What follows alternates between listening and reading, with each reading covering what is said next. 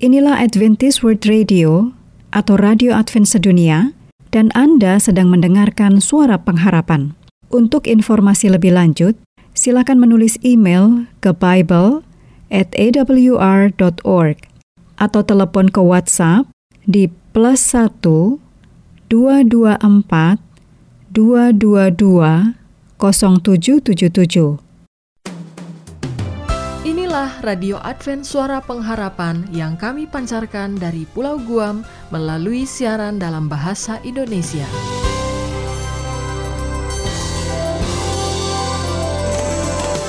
Salam sejahtera kepada saudara pendengar di mana pun Anda berada. Selamat berjumpa kembali dengan kami Radio Advent Suara Pengharapan. Dengan senang hati kami akan menemani Anda dan keluarga dengan rangkaian acara yang telah kami persiapkan bagi Anda sekeluarga dan harapan kami kiranya siaran ini dapat bermanfaat dan menjadi berkat bagi kita semua. Selamat mengikuti dan selamat mendengarkan. Tuhan memberkati.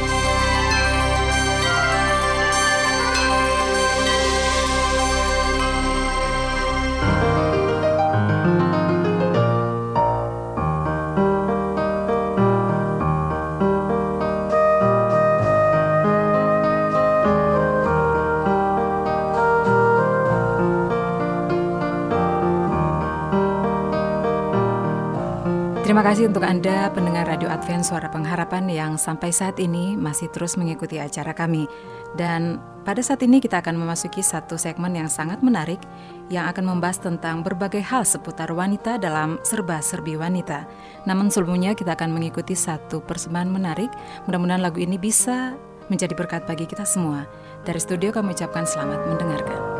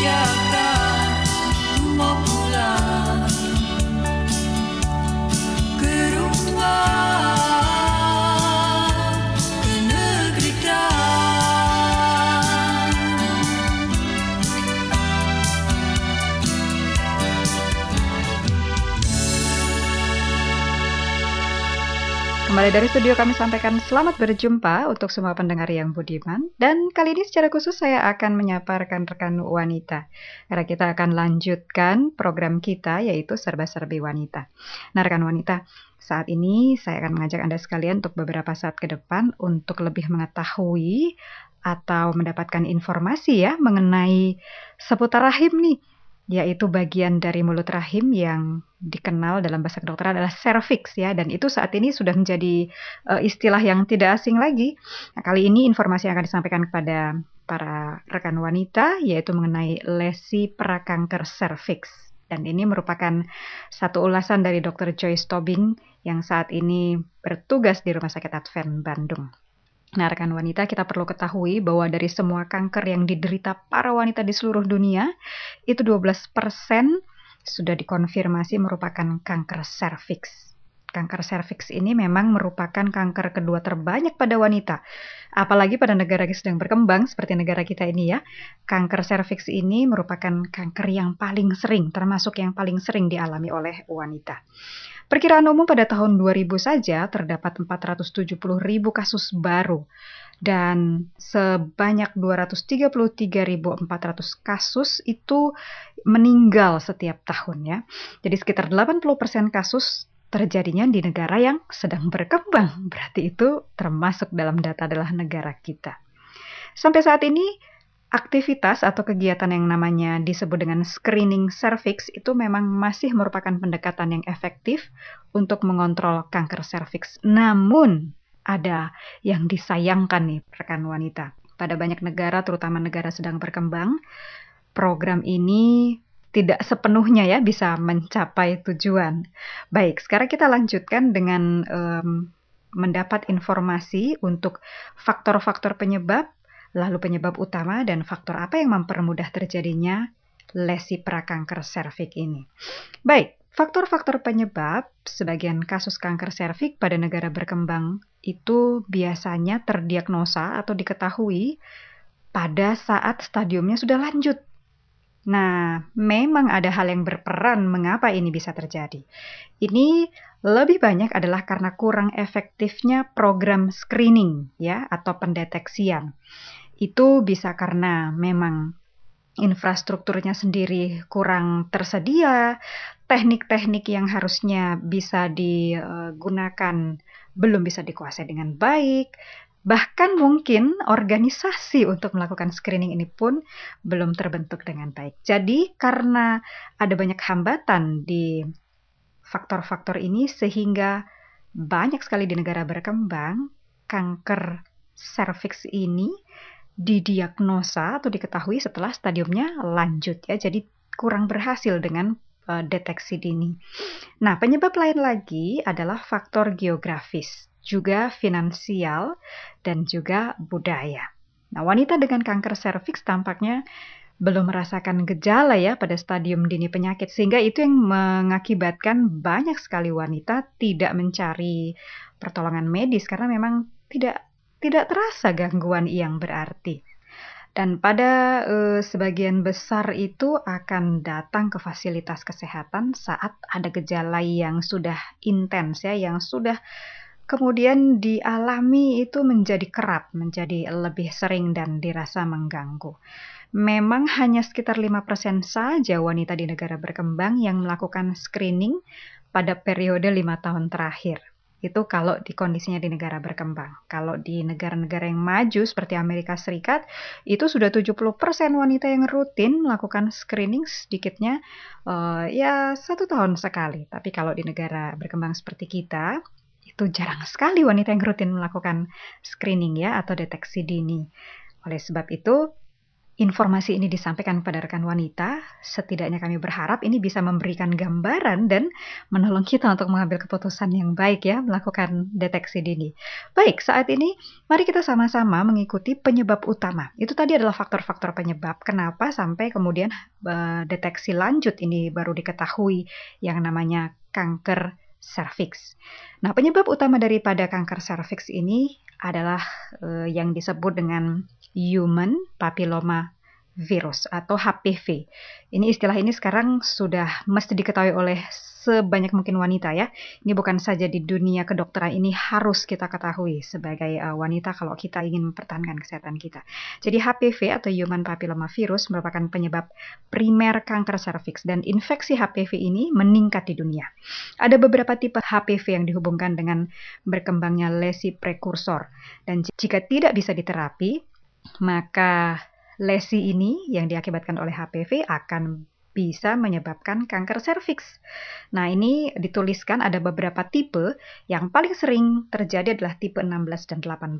Namun para pendengar wanita, rekan wanita yang saya kasihi, kita perlu tahu juga ternyata ada lebih dari dua tipe ya, bukan cuma 16 18. Nah, ini coba saya sampaikan. Tipenya adalah tipe 31, 33, 35, 39, 45, 51, 52, 56, 58 dan 68 itu adalah 10 tipe yang jarang terjadi, tetapi yang lebih sering terjadi adalah tipe dari virus. Ini maksudnya tipe dari virus yang mengakibatkan kanker serviks. Itu ada dua tipe yaitu 16 dan 18 ya.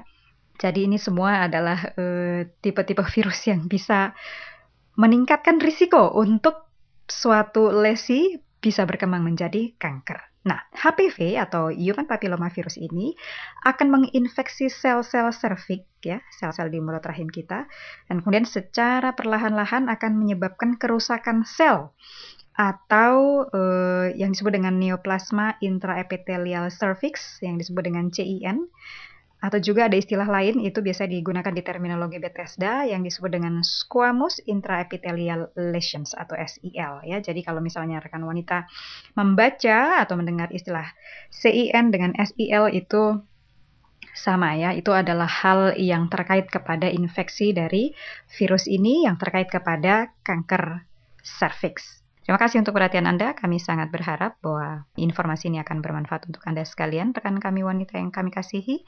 Dan apabila Anda memiliki pertanyaan atau hal-hal yang ingin Anda sampaikan, Anda boleh menyampaikannya kepada alamat lengkap yang Anda akan temukan di akhir dari rangkaian program Radio Advent Suara Pengharap. Terima kasih untuk perhatian Anda. Sampai berjumpa kembali dan kiranya Tuhan berkati kita semua.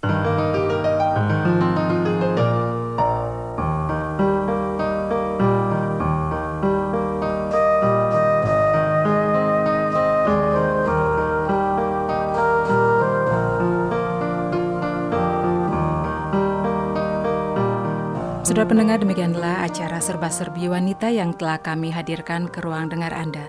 Kiranya acara tadi bisa menjadi berkat bagi kita semua dan sampai jumpa pada episode berikutnya.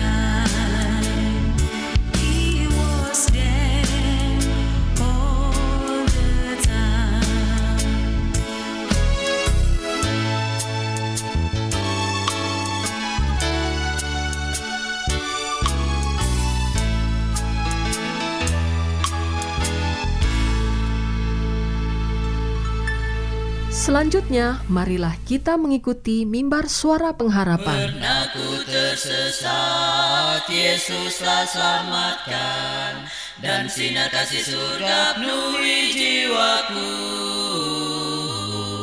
Namaku tersurat di kitab Al-Hayat, berjalan dengan Yesus hidupku selamat. Tuhan Yesus dan menceritakan beban hidupmu. Dia dengar serumu dan segera jawab doamu.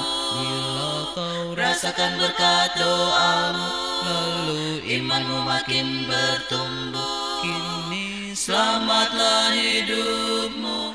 Dan Inilah mimbar suara pengharapan dengan tema konsekuensi dari konsep diri yang buruk.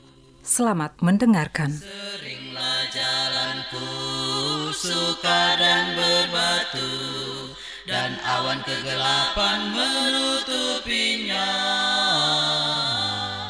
Tetapi Tuhanku cahayanya tentu Oh pintalah kepada Yesus selalu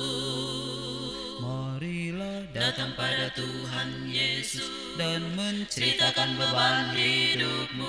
Dia dengar serumu dan segera jawab doamu. Bila kau rasakan berkat doamu, lalu imanmu makin bertumbuh. Kini selamatlah hidupmu dalam kasihmu.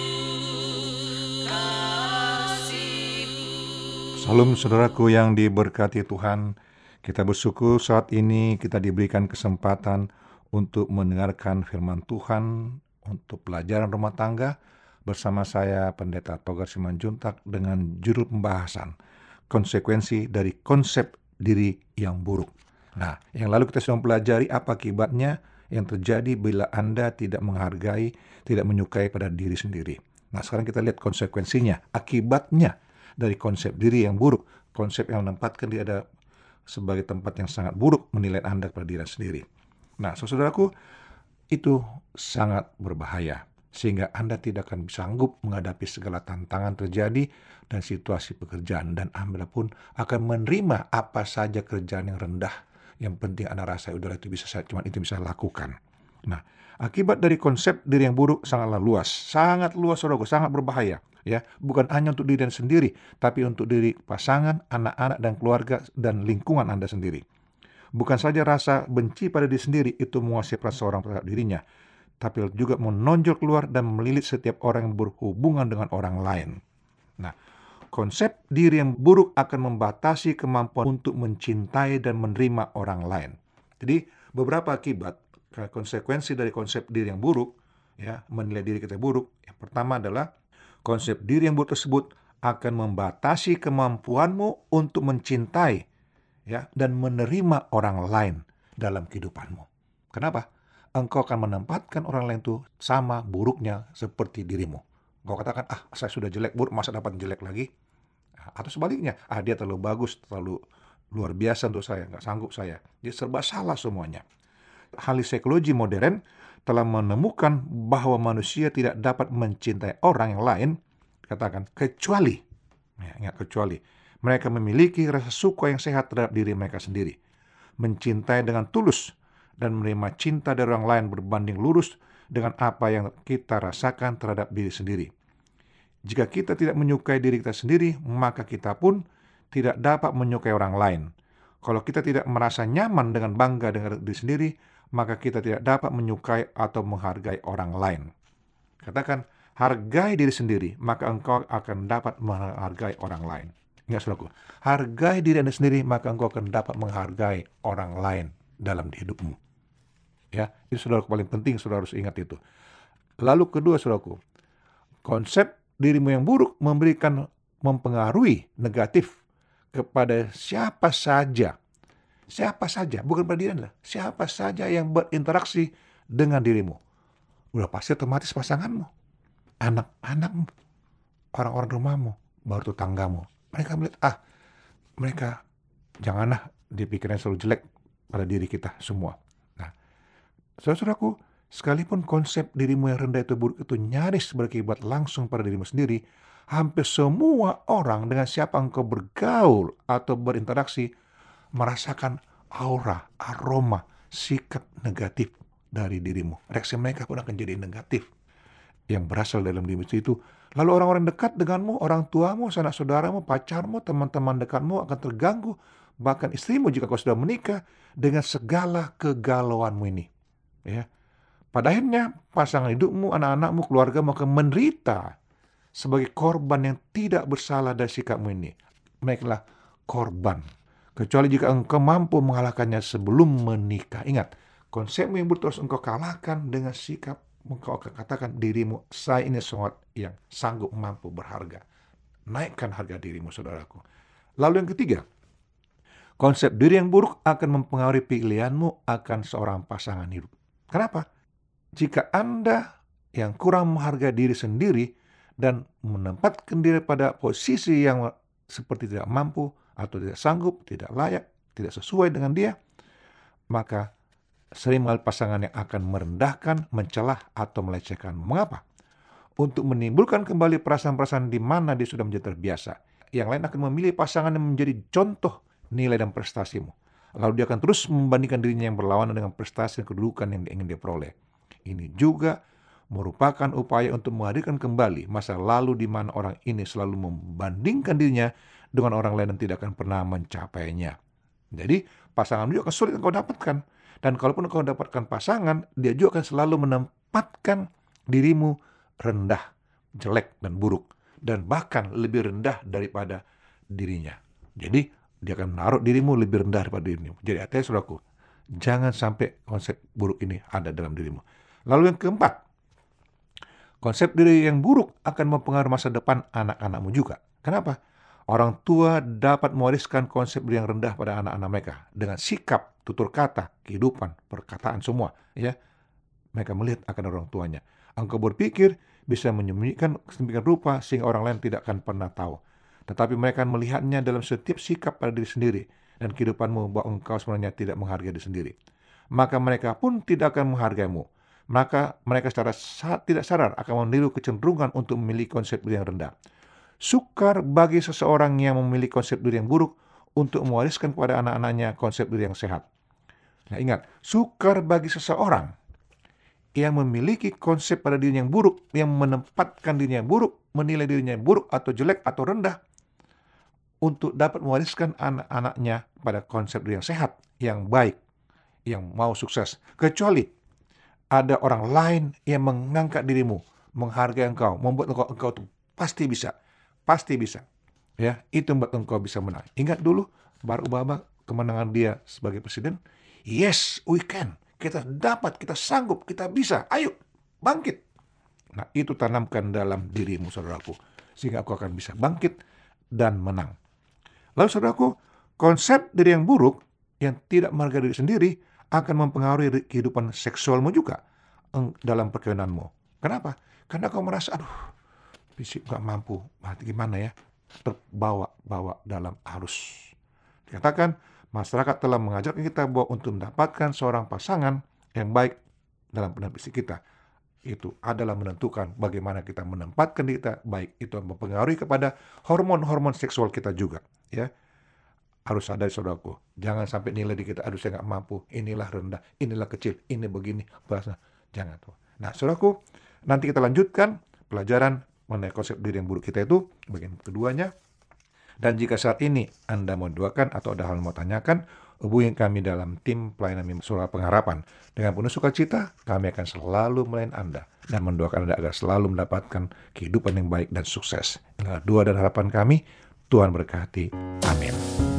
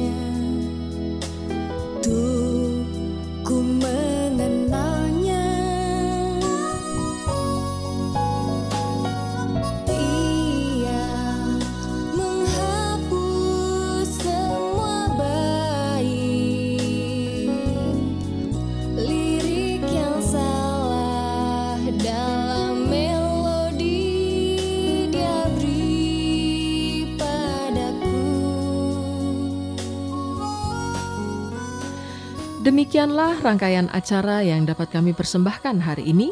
Dan apabila Anda mempunyai pertanyaan atau ingin mendapat pelajaran Alkitab penemuan baru, Anda dapat mengirim surat ke alamat Radio Advent Suara Pengharapan, PO Box 8090 Jakarta 12810 Indonesia.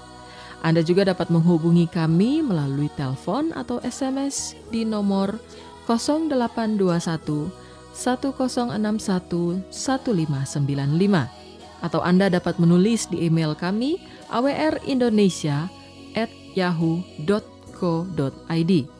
Anda juga dapat bergabung di Facebook kami Pendengar Radio Advent Suara Pengharapan atau di Radio Advent Suara Pengharapan. Terima kasih kami ucapkan bagi Anda semua pendengar kami yang setia. Kita akan berjumpa kembali pada waktu dan gelombang yang sama esok hari. Salam kasih dan sejahtera Kiranya Tuhan memberkati kita semua.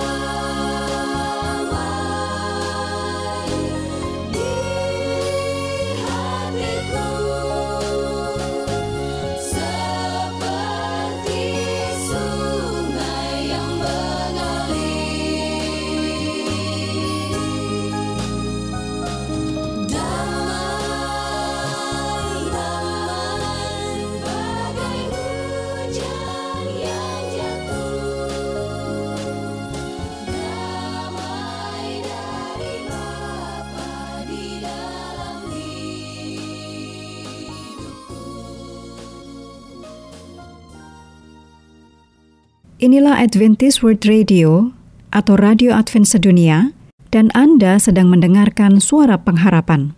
Untuk informasi lebih lanjut, silakan menulis email ke bible at awr.org atau telepon ke WhatsApp di plus 1 224 222 0777.